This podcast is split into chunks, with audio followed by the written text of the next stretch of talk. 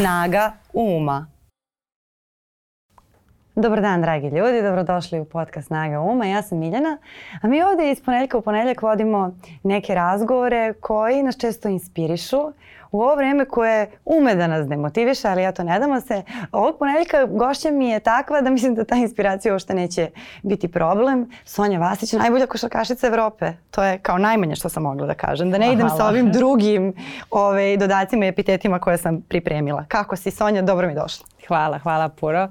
Um, odlično. Uh, odmorno kod kuće sa svojim najbližima tako da uh, zaista ne, nema na što bi kukala i požalila se. Da, to je ono što se kaže kako je u penziji, draga moja. pa da, lako je navići se. Kao zreći da bi više ljudi, kad bi više ljudi moglo u 30-ima da ode u penziju. da, mislim da mnogi maštamo o, o, tome, ali nešto mi se javlja da ti nećeš baš dugo da se zadržavaš u toj, u toj pa fazi. Pa dobro, no, apsolutno. da, vidjet ćemo sad trenutno baš malo a, bez nekih planova, s obzirom da sam i, šu, i suviše planirala čitavog života, sad je malo period da pustim ovaj, da, da to ide samo od sebe, ali sve u svemu da, mislim da baš i nije realno, ajde da, da ovakav život vodim na neki duži period, ali trenutno prija, to je sigurno. Ti si tokom svoje uh, igračke karijere baš bila sinonim, ajde ako se podcast ove zove snaga ume i za tu mentalnu snagu, mislim za sve to što dolazi, rešavanje problema, preuzimanje inicijative kada treba, uvek baš dosta više od drugih postići i tako dalje. E, kako sada gledaš na to kada je taj pritisak totalno splasao? Jer mislim da tebi prvi put sada u karijeri zaista do kraja popustio, popustio taj osjećaj pritiska. Pa dobro, iskreno um, ja sam takva osoba da ja uvek sebi prva stvaram pritisak. Inače, odrasla sam i u takvoj porodici gde su uvek bila velika očekivanja, ali najveće već očekivanja su uvek imala sama od sebe, tako da ja i dan danas ću naći razlog za šta sebi da stvorim pritisak.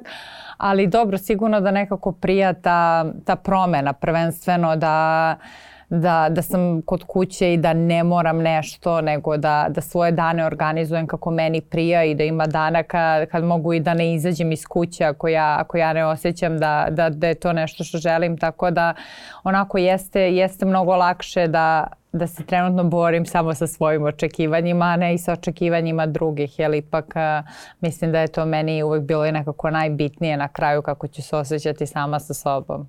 E, mislim da je to za mnoge sad žene, zato što sam od žena to često čula, ne znam kakav je slučaj sa muškarcima, to ta očekivanja koja sama se, same sebi nabacujemo i da je to često i pokretač, ali opet i neki ivičnjak.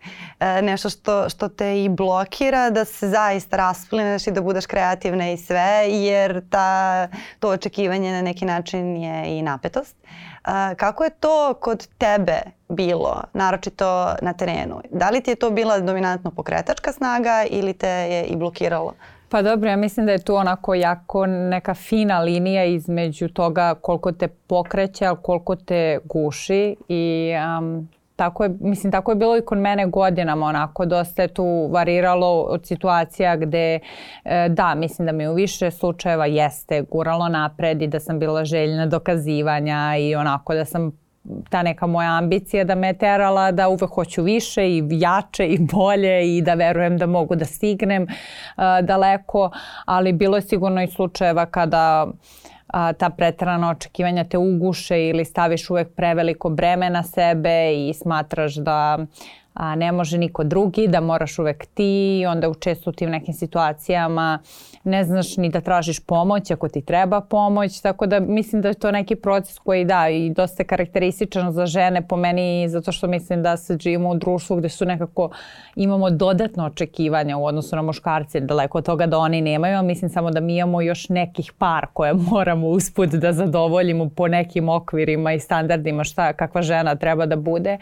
Ali da, mislim da a, u čitavom tom procesu tek kad sam stasala u neke zrelije godine i kada sam i uspela i ja shvatila da mogu da potražim pomoć i, i kako da se s nekim stvarima izbori su u suštini bila i, i moje godine kada sam i najviše sazrela, samim tim i najbolje igrala i da je sve to nekako povezano, onako sport deluje kao neka čista fizikalija, ali nažalost kažu da nekako ima nas, ima jako puno dobrih, jako puno tu nekako onako pri vrhu, ali na samom vrhu se nađu oni koji imaju tu neku mentalnu kariku koja, koja čini razliku.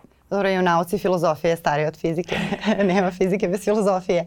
A kako si, e, kako si ti naučila da razlikuješ uh, tu e, pokretačku snagu koja je dobra i taj pritisak koji, koji već nije dobar. Jer mislim da to što si rekla um, imamo svi mi u nekim tragovima, ali pošto se svi mi ne bavimo poslovima koji su na tako vrhunskom nivou, onda možda i nemamo priliku do te mere da ulazimo u sitne detalje svoje psihe kako bismo podigli sobstvene performanse i da tu dosta gubimo, pa mi je zbog toga i ovaj razgovor baš dragocen da probam pa, da uhodim nešto konkretno. Da, dobro, ja iskreno stvarno mislim da košarka je to kao neki mini naš svet, ali da može dosta da se prenese na realan život i nekako mislim da sam ja uspela iz nje dosta da prenesem u svoj stvarni život i A, iskreno, recimo ja sam se baš dugi niz godina u mlađim a, godinama karijere borila sa perfekcionizmom i s obzirom da je košarka onako sport koji je jako brz i tu nema prostora da ja sa tri napada plačem zato što sam pre toga promašila ili ne znam izgubila loptu ili tako nešto, a stvarno sam neko ko nije baš umeo lako da izađe na kraj sa svojim greškama i imala sam percepciju da su mnoge stvari greške koje nisu greške. Um, najveći onako pomak sam uspela da napravim kad sam to potražila pomoć i počela sam da sarađujem sa sportskim psihologom. A, i sa njom, sa tom ženom s kojom sam sarađivala, sam nekako uspela iskreno da otvorim a, te neke teme od kojih sam verovatno ja podsvesno bežala, zato što mi je tako bilo lakše i onako na neki način da počnem i da sebi da opraštam, jer onako bila sam u nekom začaranom krugu, pošto sam ja po prirodi onako preterujem, umem kada hoću nešto, ja baš samo zaprem i verujem da je nekako rad onako je meni bio ključ za sve, onako verujem da ako sam ja uložila svoj maksimum, pa onda ako i ne uspe me, onda ću moći sebi da oprostim, ali ako nisam uložila maksimum, nema šanse sebi da oprostim.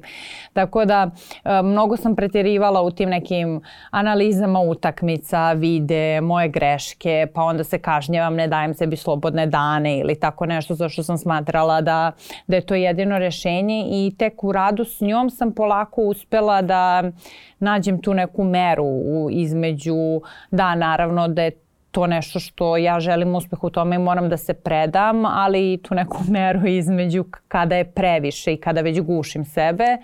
I iskreno, a, krajnji pomak je sam uspela da napravim kada sam nekako prestala da mi košarka bude sve jer je ona jako dugo godina meni bila sve i sve drugo je bilo zapostavljeno i tek kad sam našla taj neki malo balans i a, sa privatnim životom sam u stvari najviše, ja mislim, i procvetala, jel, a, ma koliko da, da sam ja možda onako, ajde da kažem, a, gušila nju, gušila i ona mene istovremeno u tom preteranom odnosu malo, tako da mislim bio je to čitav jedan proces, ali verujem da to upravo ide i sa tim nekim godinama kada sam ja i bila i psihički zrelija da mogu sa svime time da izađem na kraj.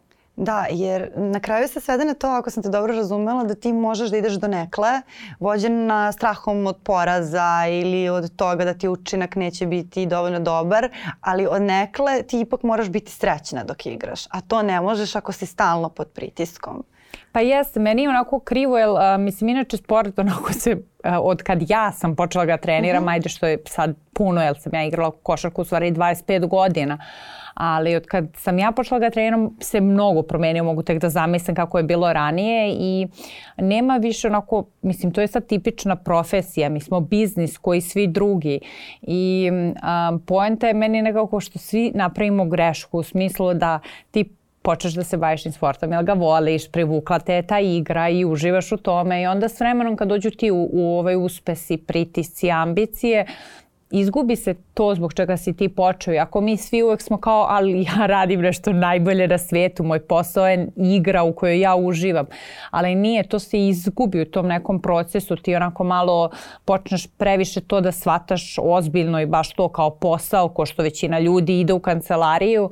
Um, I to je greška, jer onda prestaneš da uživaš i onda nije, nije to više to. Tako da mislim da je upravo a, to onako i, i poenta da, da kad bi mi uspeli da zadržimo naš odnos prema bilo kom sportu iz razloga zbog kojih počinjemo, verovatno bi bilo mnogo sve lakše i mislim da ljudi koji uspevaju više da zadrže tu crtu, da im se to vidi na terenu i da mnogo više uživaju, možda ne postižu baš uvek iste uspehe ko neki najveći, ali ko znam, ja mislim da možda mnogo mirnije spavaju noću. Da, i srećni su ljudi. da. To je mnogo dobra poruka i za roditelje koji daju decu na sport.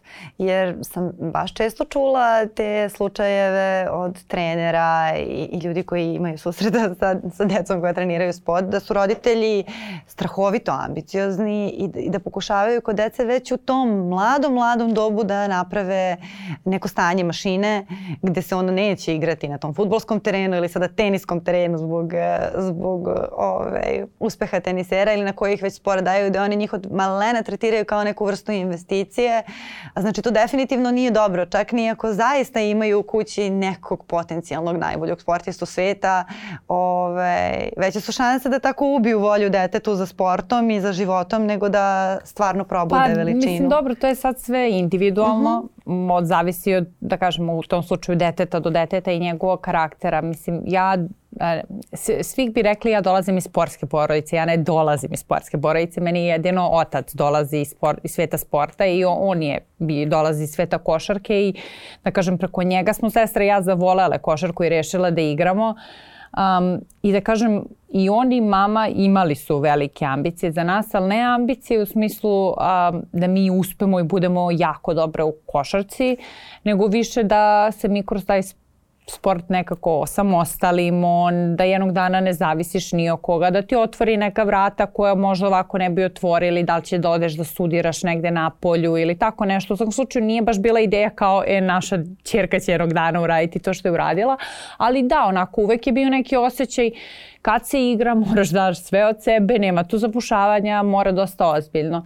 I imali smo onako um, jednu ozbiljnu vojnu organizaciju. Dešavalo se da leta, onako sestra i ja provodimo po 3-4 smene u košarkaškim kampovima ili kad odemo na more sa tatom to se ustaje u 7, ide se se trči pa se trenira pa tek onda kako se zove se ide na plažu. Mislim onako nešto što... Dete... Potresla sam se sada pa, dobro, da, detetu sa 20 godina ne zvuči baš uh, privlačno i sad neko bi rekao kao eto, ne znam, ja sam stigla gde sam, a moja sestra je recimo kad je trebalo upiše u fakultet rekla dosta ja neću ovo više, mene ovo više ne privlače, otišla upisala medicinu i nema više nikakve veze sa sportom. Ja mislim da se mojih utakmica za reprezentaciju nikad više ni ne gleda košarku. Tako da onako sve to u suštini ja mislim da, mo, da mora da se oseti ta, ta veza sa decom. Ja mislim da moji jesu onako možda imali uh, onako očekivanja i gurali me, ali ja sam prva imala ambicije koje su po meni verovatno bile veće od njihovih i zato sam uspela da iznesem a, sve što su oni možda donekle nekada i malo preterano a, očekivali. Ali mislim da je to nekako onako danas a, mnogo drugačije i kažem ja sam imala sreću da neko ko je poznavao taj svet, imam ga u porodici i mogu je da me posavetuje i da me usmeri u prvim godinim, godinama dok danas mislim da dosta roditelja onako to drugačije vidi, ali da, da mislim da je, da je teško biti dete sportiste, jeste i mislim da će sigurno dobro razmisliti kada dođu moja deca kako će se postaviti u toj situaciji. Pričala si o toj, o toj motivaciji, o toj ambiciji. Tu postoji e, kada je neko na taj način motivisan na koji si bila ti u mladim godinama, ta potreba da se dokažemo, da ne izneverimo sobstvena očekivanja, ta neka zdrava očekivanja roditelja e, koja ne nameću frustracije nego zaista kao pokušavaju da ti rašire krila, dogodi se taj jedan moment kada ti ostvariš to što si želela, kada dobiješ potvrdu koju si želela i sada treba ići dalje. I neki se u takvim situacijama potpuno demotivišu, ostanu bez motivacije, a neki pronađu uh, novu motivaciju u tome da se iznova i iznova takmiče sami sa sobom. Zanima me sada kako je to kod tebe izgledalo, jer očigledno da ti nisi stala. Pa iskreno, ja nekako mislim da je uspeh droga i ne verujem da je baš lako da te demotiviše. Mislim, jeste nekako onako... um, ja baš onako ističem da su meni moji porazi mnogo više značili i, i ne, donekle mi ih i nekako i drago sa svime čime sam se susretala u karijeri, jer znam da bez njih ne bih svoje pobede doživljavala onako i uspehe kako sam ih doživela, jer uspesi i pobedi mnogo više menjaju i mnogo češće na gore i a, da, mislim onako taj, te, taj neki adrenalin i sve što te radi i daju ti osjećaj da je to nešto što ti uvek želiš, mislim i uvek ti onako ostaje nekako žal um, ako se to nije ponovilo, tako da i pogotovo što to kratko traje, to danas jesi, sutra nisi. Uh, Ja, baš evo sad ja razmišljam, mi smo znači osvojile Evropsko pre par meseci, one će sledeće nedelje krenuti kvalifikacije za sledeće Evropsko, što znači da bukvalno je tu roku od ono, par meseci to već onako postaje maltene prošlost, kreće novi ciklus. Pa dobro, ali u svetu sporta to je sve da, tako da. brzo i nema tu onako puno vremena da ti nešto onako analiziraš, da ti kao svariš, da slegnu ti se utisci. Tako da po meni iskreno ja mislim da ako si osetio taj neki onako vrh i to to, se osladi i baš mislim da je to neka motivacija da, da se uvek vraćaš zbog čega jako puno sportista ima problema da zna kad je dosta. E, mislim, ja imam problem što većina ljudi smatra da sam prerano završila i nemaju baš razumevanja, a, veruju da sam mogla još dugo, ali o tome se radi, nije o tome dokle ti možeš da igraš. Po meni je nekako da ja odem po mojim uslovima uh, i da odem kada, kada znam da sam za to spremna, a to da sam ja mogla da igram još pet godina, ja znam da sam mogla, ali na koji način i gde, s kime, kako, da li bi to mene isto više činilo srećnom ili ne. Na neki način mislim da onako um, baš to ti uspesi pobede onako zamagliti viziju i nisam više baš sigurna koliko onako s godinama umeš ti da kažeš e dobro, nema potrebe više za tim kao osvojio sam sve što se moglo osvojiti. Kao da uvek može još, uvek može više medalja, više ugovora, ne znam nije šta, ali u nekom trenutku treba znaš i kad se crta podvlači. Tu onda pretpostavljam da dominantnu ulogu e, imaju ti neki ljudi u tvom privatnom životu koje su ti težište i uzemljenje da se ne pogubiš u celom tom svetu. Da li je to bilo ono što je presudilo da se ne odvojiš od sebe i da kažeš ok, meni, Sonji, ovo sad ovako je idealno?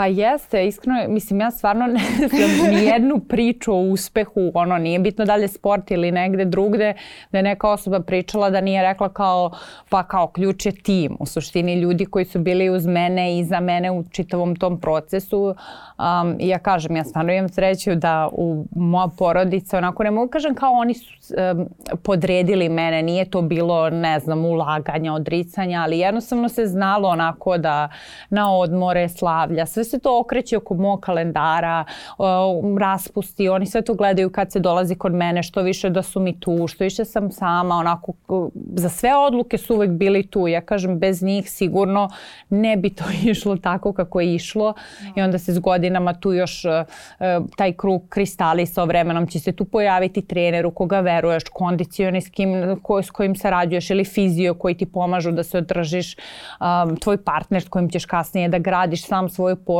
ali to je eto neki tim koji po meni je ključan i između ostalog recimo kad dođu ti prvi utisci, uspesi, kako se menjaš? Jer to jako lako udara u glavu i jako često se dešava u godinama kada smo mi mladi i nismo formirane ličnosti i to može da nas odvede u različitim pravcima i onako, mislim ne bukvalno, ali bilo je situacija kad su meni moji malo onako trzali za uvo kao, kao gde si pošla?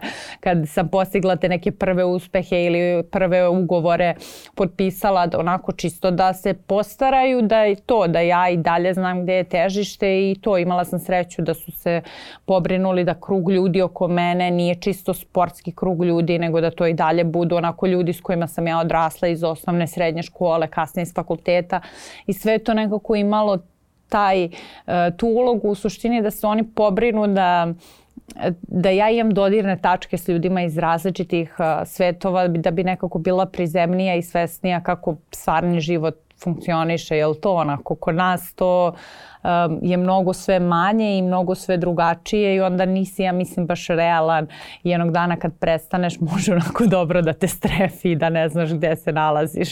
I to važi za sve. I svi imamo takve timove i jedan do, dobar deo tih svojih timova sami biramo. Naravno, ne možemo izabrati porodicu u kojoj ćemo se roditi, ali možemo izabrati prijatelje, možemo izabrati timove u kojima ćemo raditi, možemo izabrati ljude čiji ćemo mi tim sutra biti i to je baš važno i baš je važno osvrtati se na, na te ljude koji čine naš tim i kakvi smo u tom nekom svom uh, malom timu. A ti si uh, na terenu uh, važila baš onako za tog ozbiljnog džokera, za ženu koja rešava probleme, za, za ženu koja tu kada dođe odmah je sve, da kažem nekako, odmah su svi mirni, ve, veće su šanse da sve prođe kako treba. Koliko je to nešto što ti praktikuješ i u svom životu i da li je to već ma, toliko duboko u tebi da je i deo karaktera, to dajem svoj maksimum, ok, sad ovde je frka, to znači ja, ja nastupam.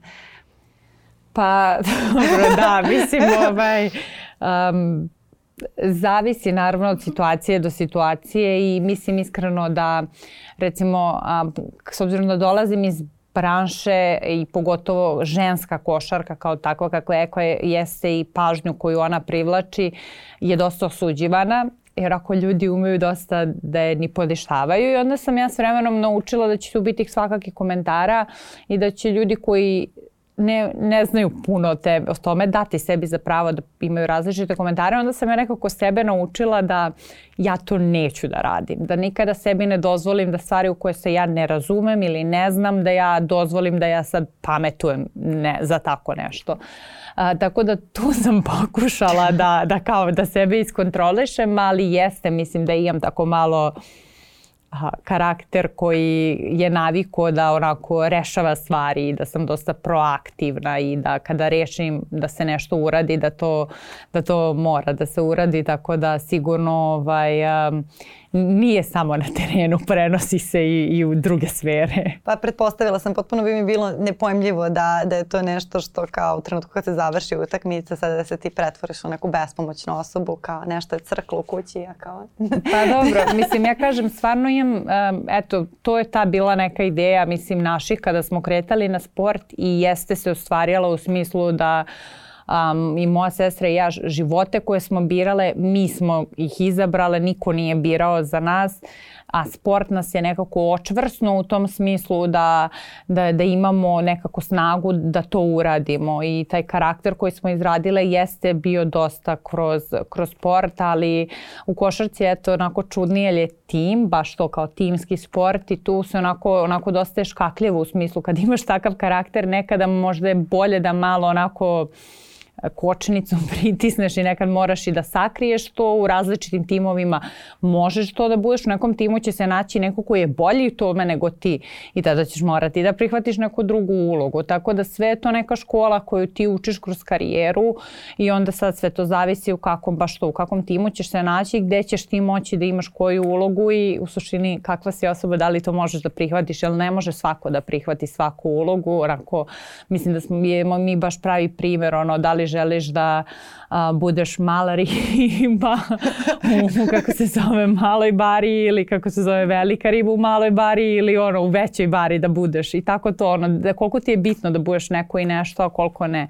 Baš onako, te, taj timski sport će onako uči tih međuljudskim odnosima koji su jako, ja mislim, bis, bitni za neke kasnije poslove ako želiš time da se baviš. To jeste važno, to je važno i za međuljudske odnose i za privatan život, jer ako sam te dobro razumela, ja mislim da i ja imam taj instinkt o kome govoriš, iako nisam baš sportski tip kao ti, Ove, ali to je taj moment da kada neko kaže da ima problem, neki, bilo kakav, znači od toga da ne, ne može da nađe vodoinstalatera do toga da ne zna, mu treba neki lekar, šta god da je u pitanju, e, tvoj prvi instinkt u mili sekundi jeste kako ja to mogu da rešim. Kao da je od tebe ta osoba to tražila. I sada ti onda, ne znam, povučeš ruču nekad, nekad ne povučeš, ali je to to? Jesam pa dobro, te razumela? Jeste, pa da. To je, šta mislim, ja tu mogu da, pa kako da. Ja tu mogu da, šta um, god da se dešava, i da, kako i to ja? nešto često nekada ne treba uopšte da se mešaš, a ti mm -hmm. misli, si da, naviko da. da kao treba i onda jeste ta neka onako sredina naći da li treba da se umešaš ili ne, ali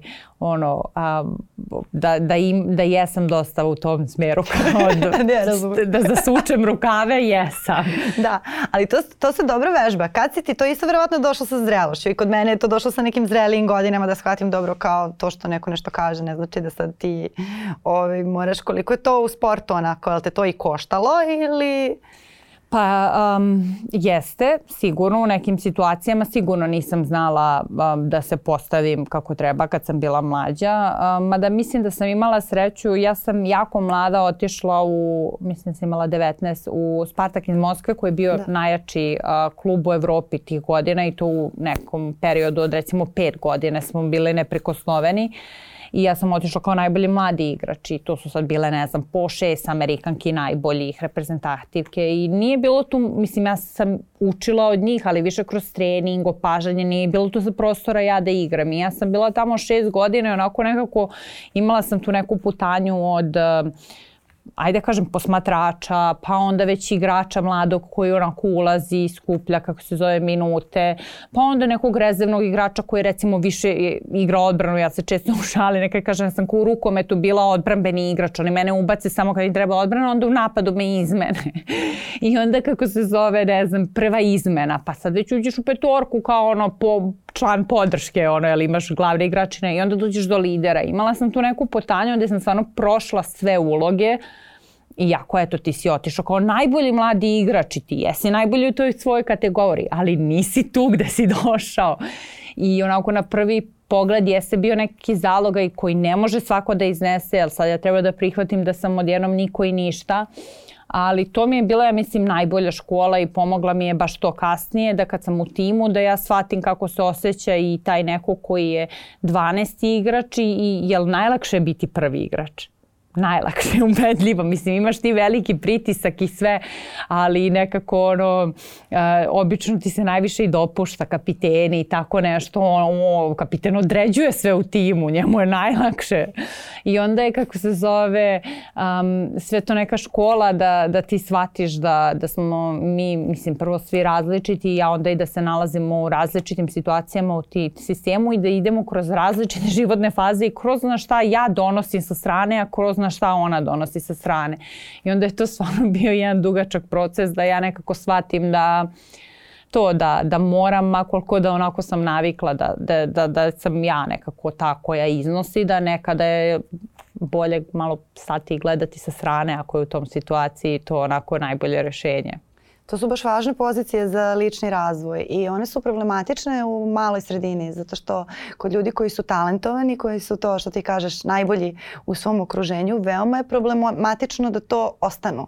Da, da nemaju taj period do ne znam 28. 30. godine makar da će oni jednom dva puta da se nađu u situaciji da su juče bili najbolji, a su se sada našli u nekim cipelama koje treba da popune da, da bi zaista mogli da se rasplinu jer ne postoji šansa da se ti u vrhu vrhuncu svojih moći na bilo kom polju u 20 godina ili 21 godini, ni što se tiče sporta, a kamoli što se tiče nauke ili ove, nekih drugih poslova i to je onako baš e, važna životna lekcija koja onako uvek teško, teško je naučiti u malim sredinama ako zaista hoćeš samo da, da ostaneš u tom nekom svom hermetičkom krugu i sad e, to sam ti rekla da ću te, da ću te pitati e, kako dođe jesen i kao kreće više posla i tako dalje. Ova neka generacija, to sam videla i po društvenim mrežama, svi su u nekoj pri priči dovođenja života u red, kao sad, šta god to značilo. I sad kod ljudi koji se ne bave sportom profesionalno, uh, obično je prva stvar kada je vreme za dovođenje života u red, to sad ću ja krenem da redovno treniram.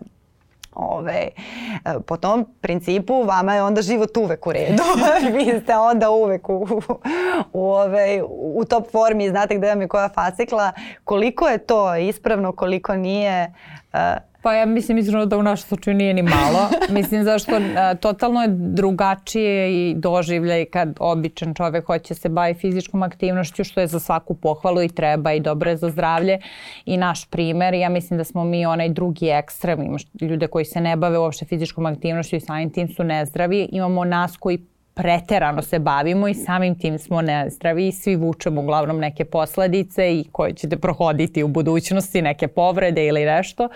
A, redko ko iz našeg sveta ne izađe koliko toliko sakaćen. Um, tako da mislim da nije naš život tako organizovan ili jednostavno e, živiš u totalno nekom raskoraku u smislu ko nas praznici, kakvi praznici, ja kad čujem ono kao slava je kao pa kako treniraš za slavu? Pa naravno, koja slava, ko mene pi kao za Božić, za Božić imam utakmicu, ne znam, ono... Šta zna kvadriceps, na, na, kad je Sveti Jovan? Pa, na koliko, na koliko svadbi si bio, ono, kad si bio tu da zagrliš dragu osobu, jer je teško. Ne, mislim, nema to kod nas i, mislim, naj, najći ćeš ti naravno i na slučajeve trenera i nečega kad je tebi bitno i oni će pokazati razumevanje, izaći će u susret, ali jednostavno naši kalendari su takvi i ti si navikao nekako ni da, ne, ne, nećeš ni da pitaš a, i život je onako ti ti kao treniraš, ali to je mnogo više od tog treninga. Kod nas je u suštini kako se ti obhodiš prema svom telu i onih osta, ostalih 19 sati kada ti nisi na treningu, tako da je to mnogo onako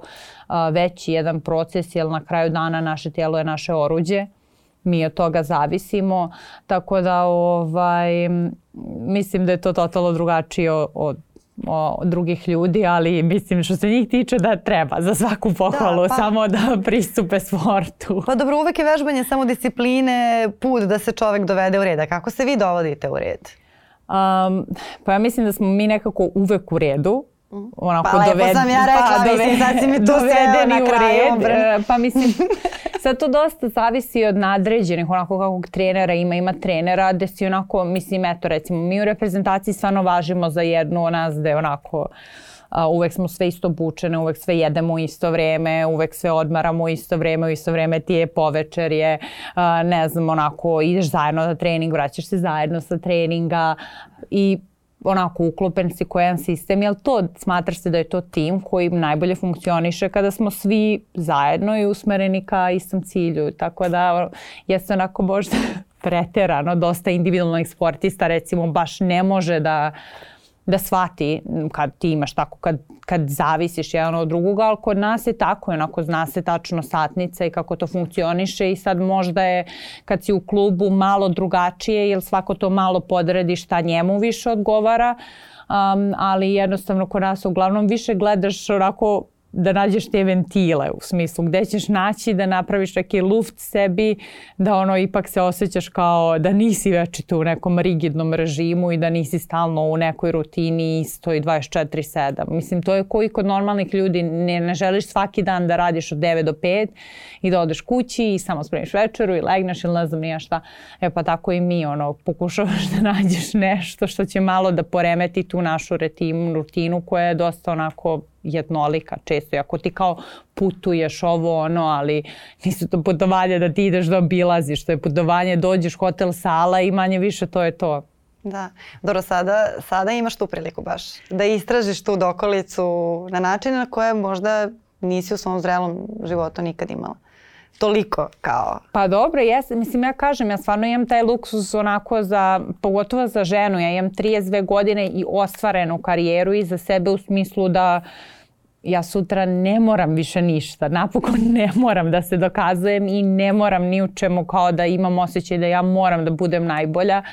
Um, jel sam uradila, dala sam sebi to za pravo i sad šta god da rešim, onako mislim da mogu sebi da dozvolim da je to onako opuštenije i moje i u krugu sa mojim ljudima, da nije više taj neki pritisak, tako da um, nije to nešto što baš svaka žena sebi može priušti i mislim da je to onako za nas dosta nezahvalno ako hoćeš i porodicu i ostalo što moraš da nekako upakuješ kao to sve u nekih okvirima od kao do 40 ili 45 što je totalno nerealno da upakuješ i karijeru i porodicu i ne znam nija šta sve.